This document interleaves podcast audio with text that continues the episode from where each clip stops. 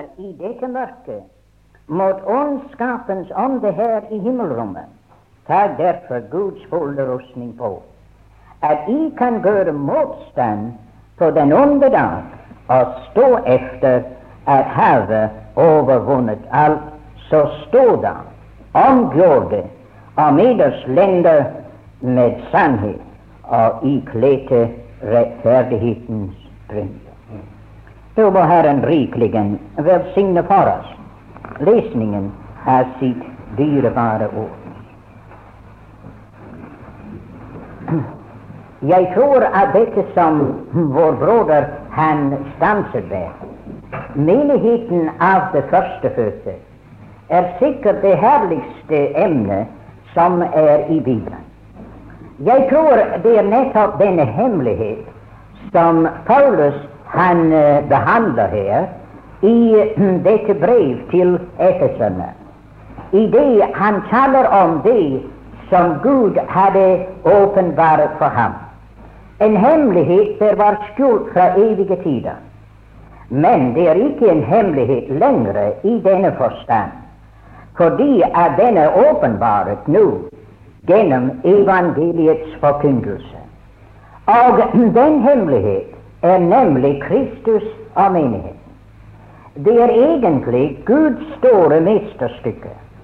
Da Han skapte verden, det var ikke Guds mesterstykke.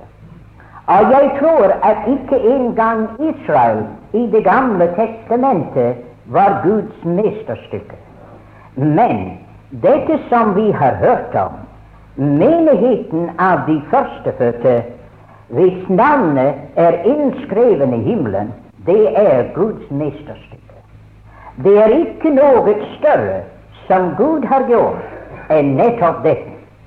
Så du og jeg burde glede oss og fryde oss over at få del i dette her, for det er noe meget og det er spesielt. Det er ikke av den grunn at vi kommer først like frem i Bibelen.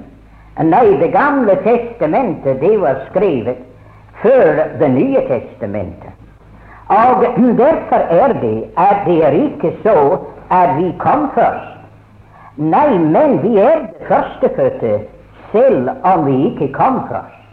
Du vet, det var ikke den der kom først, det var den førstefødte. Du leser om Jakob og Esau. Men Esau, han kom først. Men han hadde ikke den førstefødtes velsignelse. Den førstefødtes velsignelse, den til Jakob, skjønt han ikke var førstfødt. Og I vet at da Jakob ville dø, han hadde lært en veldig lekse. For jeg tror det er merkverdig at Hebreerbrevets ellevte kapittel går forbi hele Jakobs liv og søker etter å finne et uttrykk for den tro i Jakobs liv og man finner det ikke før han skulle dø. Nå, Du må ikke misforstå meg og tro at Jakob ikke var en troende. Det var han hele tiden. Men det store ting der ser preget Jakob i hans liv, og dette Han lærte at den første fødte var ikke født først. Han lærte at den første fødte at det var en nåde fra Gud. Og derfor var det da Efraim og Manasseh stod overfor ham. Manasseh var den førstefødte og skulle få den førstefødtes velsignelse, men Jakob han gjorde det så. Og han lagde hånd på den høyre hånd på Efraim og den venstre på Manasseh. Men Josef han sier nei, far, ikke så. Jo, således ble det fordi at Jakob hadde lært at den første fødtes rett, det var av nåde. At det var Gud der giver denne nåde, og han velsignet Efraim, Efraim, og det ble deretter Efraim og Manasseh. Og således finner vi også Ruben var den førstefødte, men det ble Juda der ble den førstefødte, hva rang angikk. Og vi finner også at Josef på en måte Han nådde en høyde til den førstefødte, til han fikk to klasser i Israel, nemlig Efraim og Manasseh. Skjønt han var ikke den førstefødte. Så at førstefødte, den har ikke noe å si med den tid du ble født, men det har å si med rang. For det står at Jesus selv er den førstefødte fremfor enhver skapning. Men du sier han var ikke født i denne forstand, han var selve skaperen. Og således er det at han er den førstefødte frem for enhver skapning. Han det ypperste over dem alle sammen. Så kjære Guds barn, det er dette vi må lære. At være født på ny, som vi har hørt, at være født av Gud, at være nyfødt, at du er født inn i menigheten av de førstefødte at Gud har givet rang som er over alt annet. Og jeg tenker seg Peter forklarer det i dette kapittel, at vi er gjort til et hellig presteskap ved fødsel. Det er noen de råser seg over, at de er født inn i en prestefamilie. Men det er jeg også. For at vi er jo hellige prester. Men det er noen også der kunne råse seg av at de er født inn i en kongelig familie. Men det er jeg også. For det er et kongelig presteskap. Og der kan du se vi har rang, ikke sant? For vi er Guds prester. Ja, og vi hører til den kongelige familie. Det er den der skal styre, og det er den der skal være ypperste sammen med Han som er den førstefødte, fremfor enhver skapning. Vi er blevet forenet med Ham og er derfor menigheten av de førstefødte. Men det er mange ganger at de troende de glemmer dette. At da de er født på ny, at de taper deres hjemstad. Du sier hva? Ja, og mister deres nasjonalitet. Ja, nå roser jeg av at de er nordmenn. Og ja, skotlendere er måske ikke hvem det er tilbake i den slags å være stolt av deres nasjonalitet. Men se, saken av den, det tapte vi. Den gang vi kom til Kristus, det tapte vi. Du sier, hvordan vet du det? Vel, du pleier å innskrives der hvor du ble født, ikke sant? Jo, sier du, og så ble vi innskrevet her i Norge, for vi ble født her i Norge. Og jeg ble innskrevet i Skottland, for jeg ble født der. Men da jeg ble født på ny, da ble jeg innskreven i himmelen. Se? Og det er det det står der i det tredje kapittel i Johannes' åpenbaring, i Johannes' evangelium, i et oversettelse som jeg har lest. Det er født ovenfra. Se, i virkeligheten det er en himmelsk fødsel. Og fordi det er en himmelsk fødsel, se, så er deres navn innskrevet i himmelen. Ja, ja. Og ja, hvorfor skal du skrive det inn noe annet sted, min venn? Det behøves ikke å skrive navnet inn noe annet sted. Når den er innskreven i himmelen, ja, den er god nok for meg. Og det er velsignet å vite dette, at våre navn er innskreven i himmelen. Da jeg gikk eh, eh, for å få oppholdstillatelse i Danmark, så var det at han ville drille meg, den mann der, på kontoret, og han sier nå kommer han. Den mann som ikke hører til noen gren av den kristelige menighet. så sier jeg til ham hvordan kan de komme på dette? Så sier han at ja, det står her i den, i den bok. Det står her i boken at de hører ikke til noen gren av den kristelige menighet. Og jeg er like glad hva det står der, sier jeg, for mitt navn er skrevet i himmelen. Ja, det kan jeg ikke si noe til, sier han. han har ikke sett det. Men det er dette at vi, kjære Guds barn, vi hører til himmelen. Vi, hører hjemme der. Jeg har en forferdelig makt med å prøve på at overbevise en jødinde at hun ikke var en jødinde. Men jeg kunne like godt ha la være. Men hun hadde bekjent seg til Herren. Men det er dette hun hadde tatt sin, sin stilling og sin nasjonalitet. For når vi er innskrevet i himmelen, så er vi et himmelsk folk, og derfor er det vårt hjemland er der. Vi hører hjemme der i himmelen. Og da har vi alt det. Se? Vi hørte, som vår broder så deilig fortalte oss, at vi skulle ha en helt ny natur. Ja, selvfølgelig. Og når du får en ny, natur, så hører du til et helt annet område. Og vi synger det riktignok, men om vi tror det er en annen sak. Vi hører ei lenger her på jorden.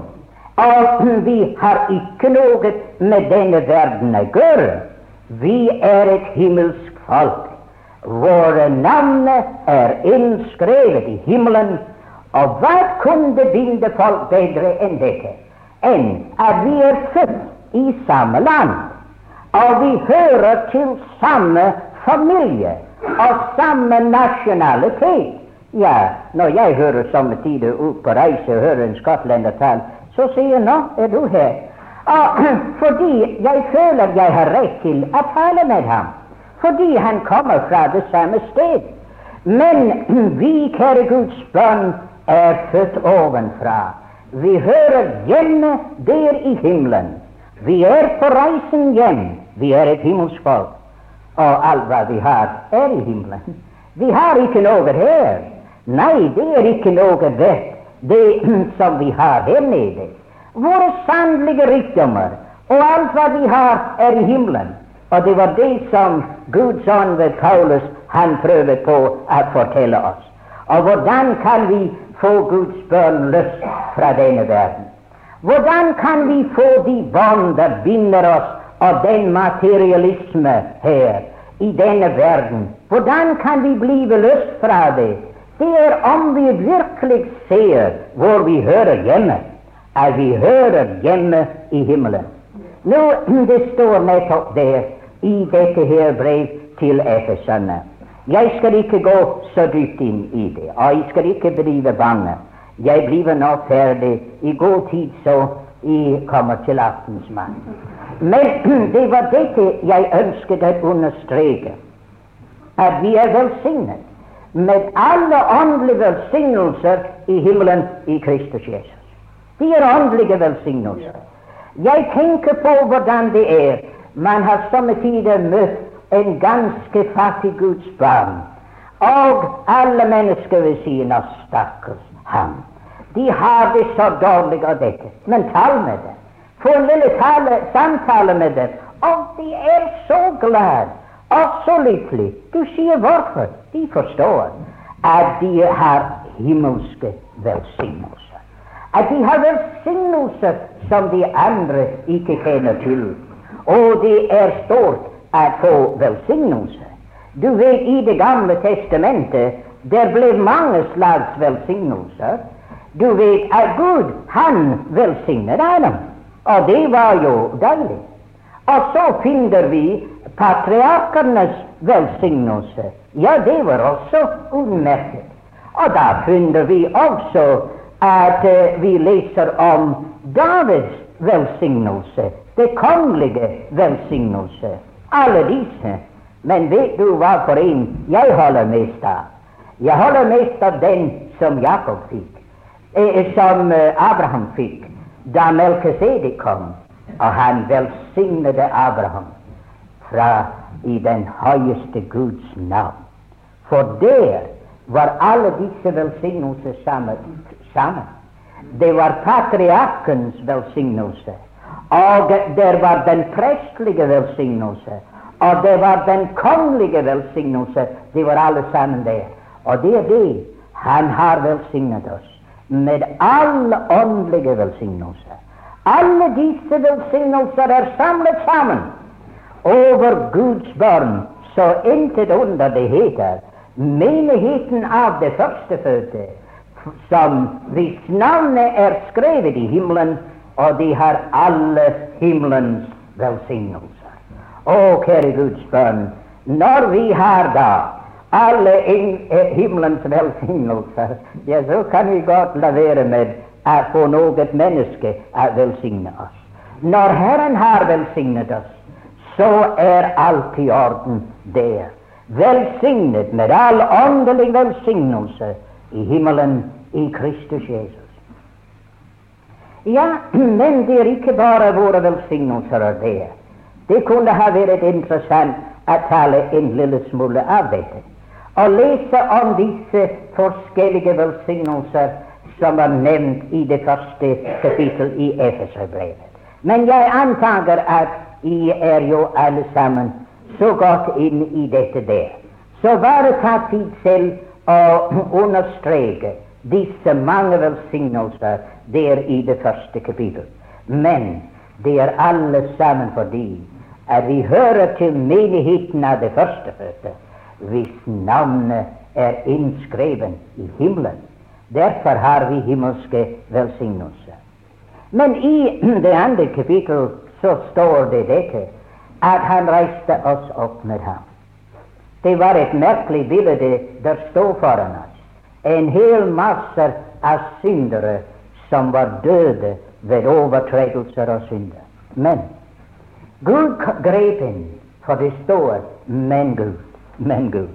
Det står ikke, som jeg hørte inn, han skulle avlegge et vitnesbyrd. Og han hadde ikke begynt lenge å tale, og så sier han 'men jeg'. Jeg bestemte meg at jeg vil leve annerledes.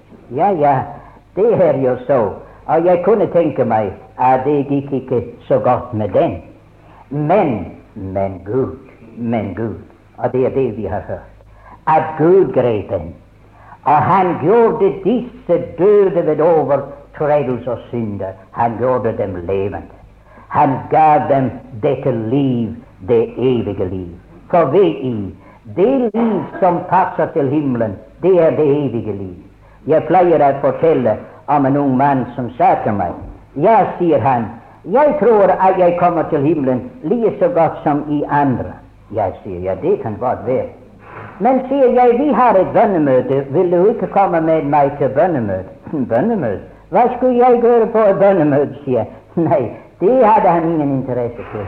Ja vel, sier jeg. Hvis du kom til himmelen, så ville du be om lov å komme ut. Fordi det liv der passer på et bønnemøte, er det liv som passer i himmelen. Og du har ikke dette liv, så du vil ikke være lykkelig i himmelen om du kom til det. Se, mine venner, det evige liv er det himmelske liv, og du har det allerede. Det er ikke noe du får når du dør, men det er noe som du allerede har. Du er født, allerede født. Og da du er født, så får du det himmelske liv, det evige liv. Det er himmelens liv som du har. Og hvis du ikke har det evige liv, så er du ikke født ovenfra. For alle dem som er født ovenfra, det har det evige liv. Det var en som sa til meg at den og den, han tror ikke på det evige liv. Men han sier at han er Guds barn. Vel, sier jeg, om han er født på ny, så har han det evige liv, om han tror det eller ikke. Det er dette, min venn, som er så velsignet, at vi har det evige liv som er født ovenfra. Til det er himmelens liv, det er Guds liv. Og det er noe som er stort. Intet under den heter menigheten av førstefødte. Som er født med et sånt liv som er det evige liv i Kristus Jesus, ja. Og hva står det her? Og han reiste oss opp med ham. Og han satte oss i himmelen i Kristus. Satte oss i himmelen i Kristus. Ja, ja, det er stort å vite dette. Det er noen det har sagt at det står ikke noe om Herrens komme i Efeserbrevet. Ja, det kan godt være at det er ikke i hvert fall så tydelig omtalt. Men hvorfor ikke? Ja, fordi vi er allerede der. Og således er det at Gud i sin store nåde Han satte oss i himmelen i Kristus. Og det er velsignet for oss å vite dette, at her er det et spørsmål om vår stilling. Vi er født ovenfra. Vi er et himmelsk folk med et himmelsk liv, ja, og en himmelsk stilling. Satt i himmelen i Kristus Jesus. Og jeg tror at det er nettopp disse ting vi trenger til å få riktig forstå. At det er ikke et spørsmål om vår tilstand, det er en annen sak. Men det er et spørsmål om vår stilling.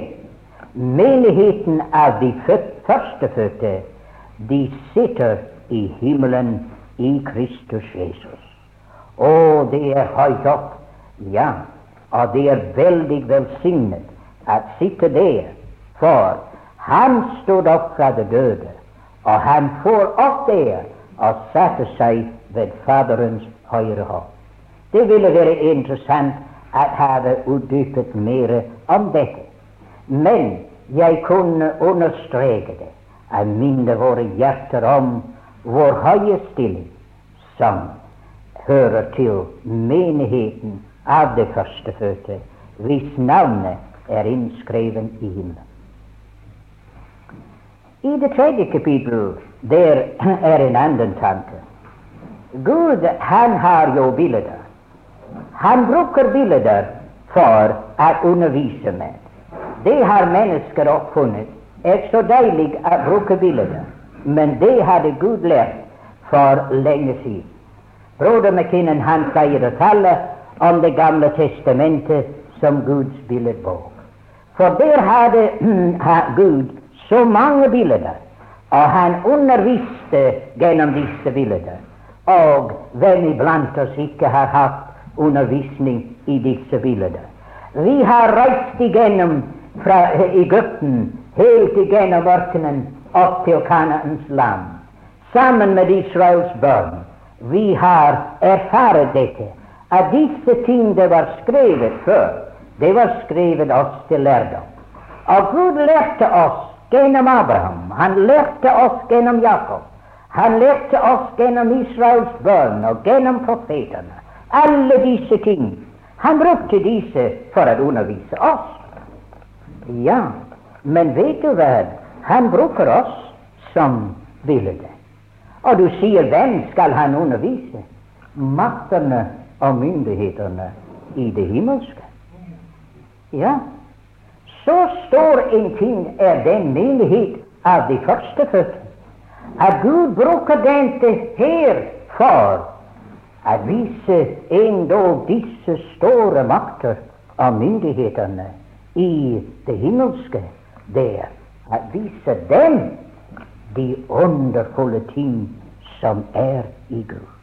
Jeg har ofte undret over hvor meget om Gud de vet men i hvert fall, de lærer noe av hans visdom, av hans makt, av hans kjærlighet, av hans herlighet gjennom menigheten av de førstefødte.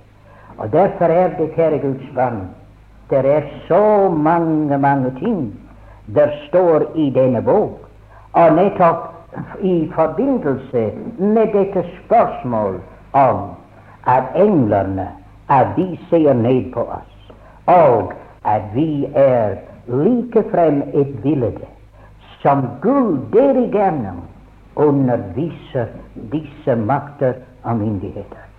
Så denne menighet av de førstefødte, det må være et veldig stort og herlig bilde når Gud han kan undervise disse i det i det fjerde kapittel.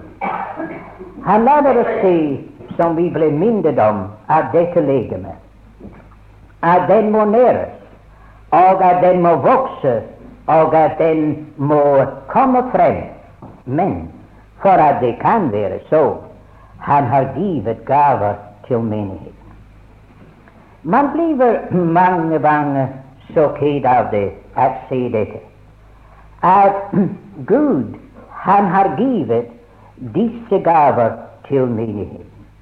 Nu det er at han gav apostler og profeter. Og hvis du leser i det andre kapittel, så ser du at apostler og profeter de hørte med til grunnvalg. Det er dem der påstår at vi ennå har apostler og profeter. Men som jeg sier til dem, hadde det vært apostler og profeter i de siste 2000 år etter at Bibelen var ferdig, så hadde vi hatt mange bibler. Vi hadde hatt mange bibler skrevet. Men da det ikke var flere apostler og profeter, og ikke mer er åpenbare, så lukket Gud boken, og det ble ikke flere apostler eller profeter. Men hva det var han gjorde, han gav til menigheten evangelister for å forkynne evangeliet. Og han ga lærere for å undervise i Guds ord.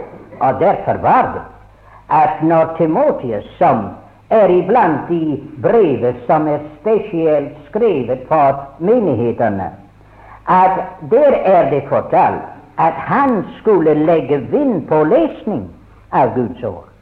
Ja, men du sier hvorfor lesning av Guds ord? Det behøver vi ikke. Om det er apostler og profeter der får åpenbarelser, så kan vi la være med å lese Guds ord. Nettopp så vi kunne resonnere på denne måten. Men det var nettopp fordi at apostler og profeter opphørte at vi skulle lese Guds ord, for der og der alene får vi den fullkomne åpenbarelse. Men han har givet til menigheten evangelister. Og disse evangelister, deres arbeid er å gå ut med det glade budskap. Å gå frem med evangeliet fordi de har det spesielle evne til å forkynne evangeliet. Men selvfølgelig, det er det verste, er noen prøver på å være lærere. Det kan godt være når man Det var en i Skottland, han sa ja, sier han, det verste er at disse evangelister de alle sammen blir lærere ved tiden. Og de taper deres evangelistiske eh, iver. Det kan være noe i dette. Men Herren har givet disse gaver, og hva de ønsket å si, var dette. At så ofte er det at disse menn de likefrem hever seg opp og gir seg ut for å være både det ene og det andre. Men, mine venner, disse evangelister og lærere og hyrder som Herren har givet til menighet, det står ikke at de var på en, så, en skole som at de ble evangelister eller hyrder og lærere. Ikke spor om dette. Vet du hva det står? at han får opp til himmelen, og han gav dem. Han gav evangelister, og han gav hyrder, og han gav lærere. Disse var gaver som Herren gav til menigheten. De var i virkeligheten, mine venner, himmelske gaver. Forstår vi dette? De er gaver fra himmelen. Nå, du må ikke misforstå meg at eh, jeg dømmer en skole hvor en eller annen kunne lære mer om Guds ord. Det er ikke dette. Men den gave til å være en evangelist, den kommer fra himmelen. Og den gave å være lærer, den kommer fra himmelen. Og den gave å være hyrde, det kommer fra himmelen. Du kunne f.eks. ta meg og kle meg i oljetøy og alt dette, og sette meg om bord en båt og jeg kunne si nå er jeg en fisker. Men jeg ble ikke en fisker for det. Men min venn, det er det at jeg regner med at den mann som kan fange fisk, han er en fisker. Og jeg regner med også dette. Når Gud har givet en mann en gave å forkynne evangeliet, evangeliet, han er en evangelist. Om han aldri hadde vært i en skole. Og den som Gud har givet en gave til å undervise, han er en lærer om han aldri har vært i en skole. Og den mann som Gud har givet den gave til å pleie fårene, for mine venner, En pastor, for det er ordet hyrde. En hyrde er ikke noe som man oppnår ved å lære, men en hyrdegave er en gave som er givet til menighet. Jeg tror at min far han var en hyrde, men han gjorde sitt daglige arbeid. Men en hyrde, det var han. En gave til menigheten. Men husk på dette ikke bare i som uh, er delaktig i den tjeneste som disse menn utfører, men la oss som Herren har givet denne gave, vite dette.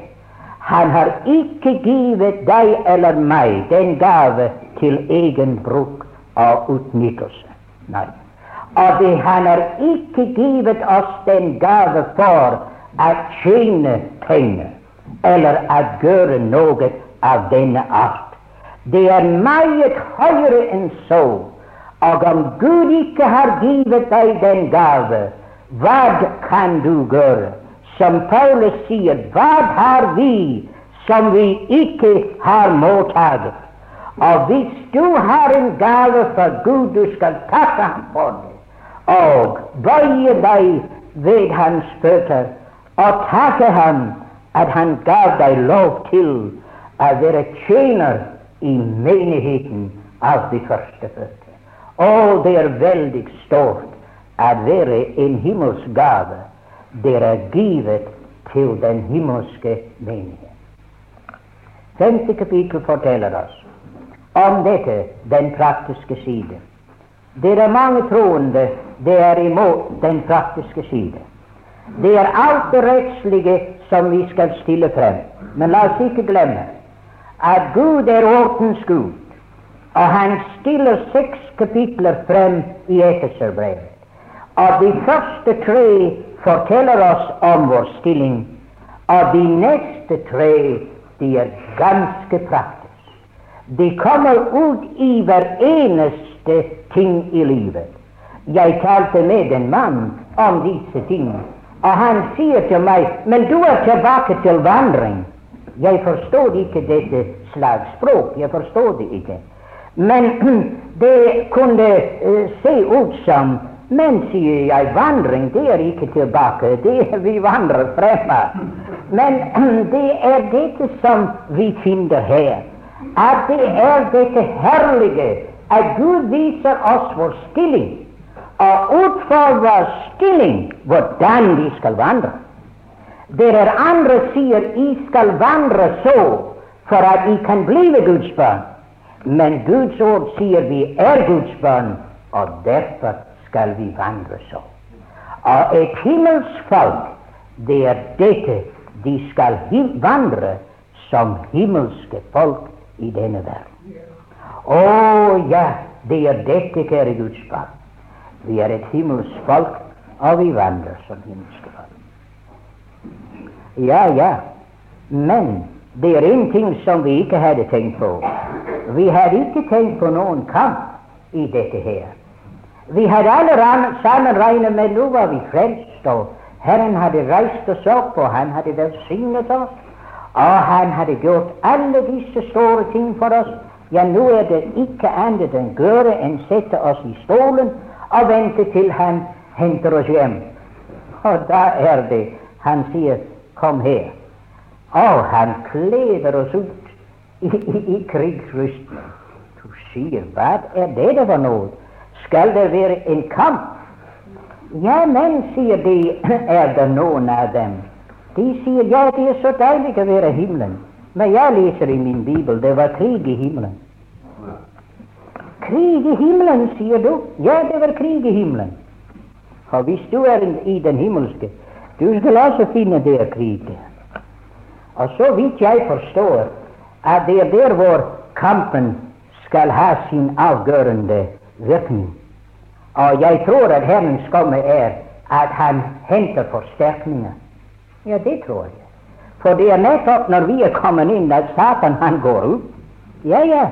Når Gud har hentet forsterkninger, menigheten av det førstefødte, da blir Satan han kastet ned til jorden. Ja, for da er det ikke plass for ham og oss.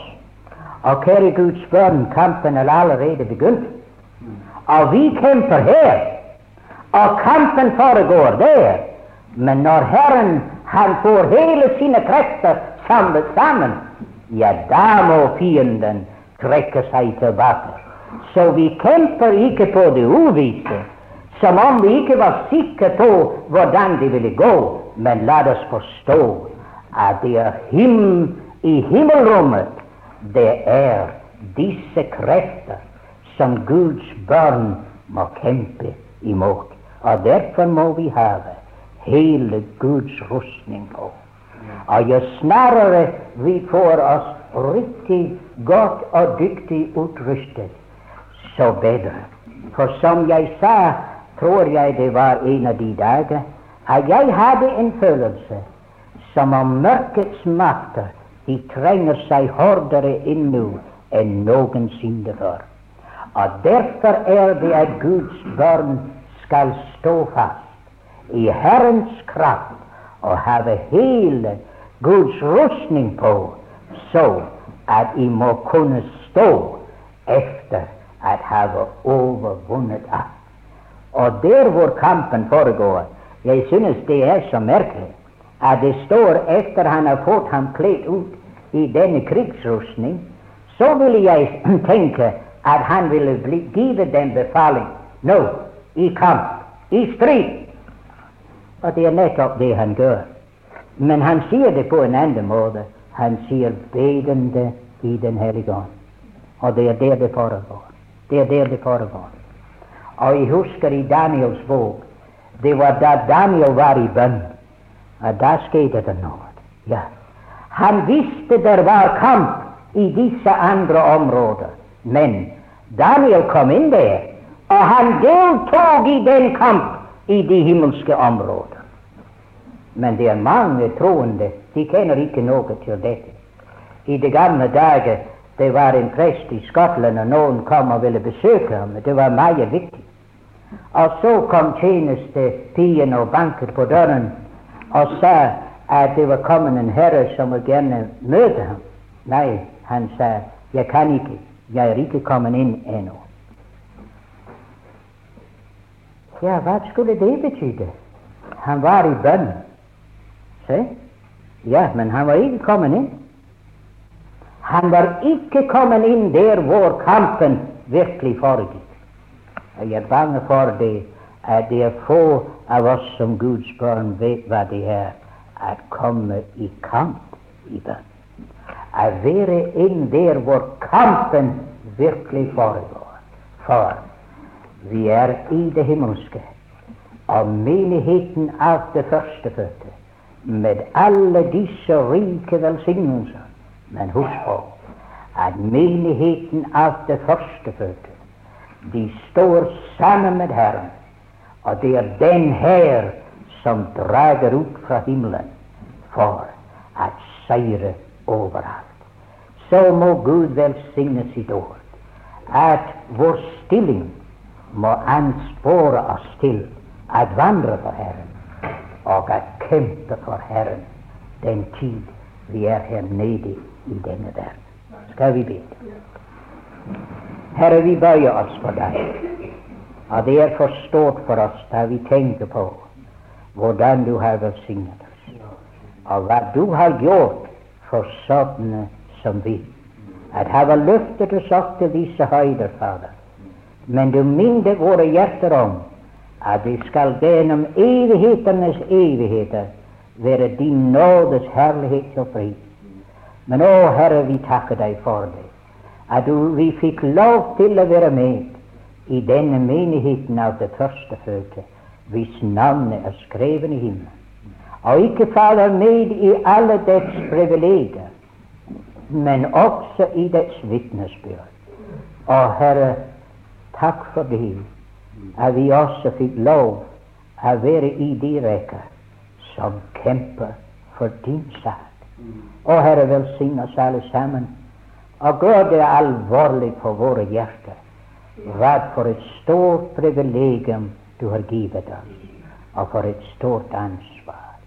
Vi bøyer oss for deg. Med takk for alt du har vært for oss, og led du oss fremdeles.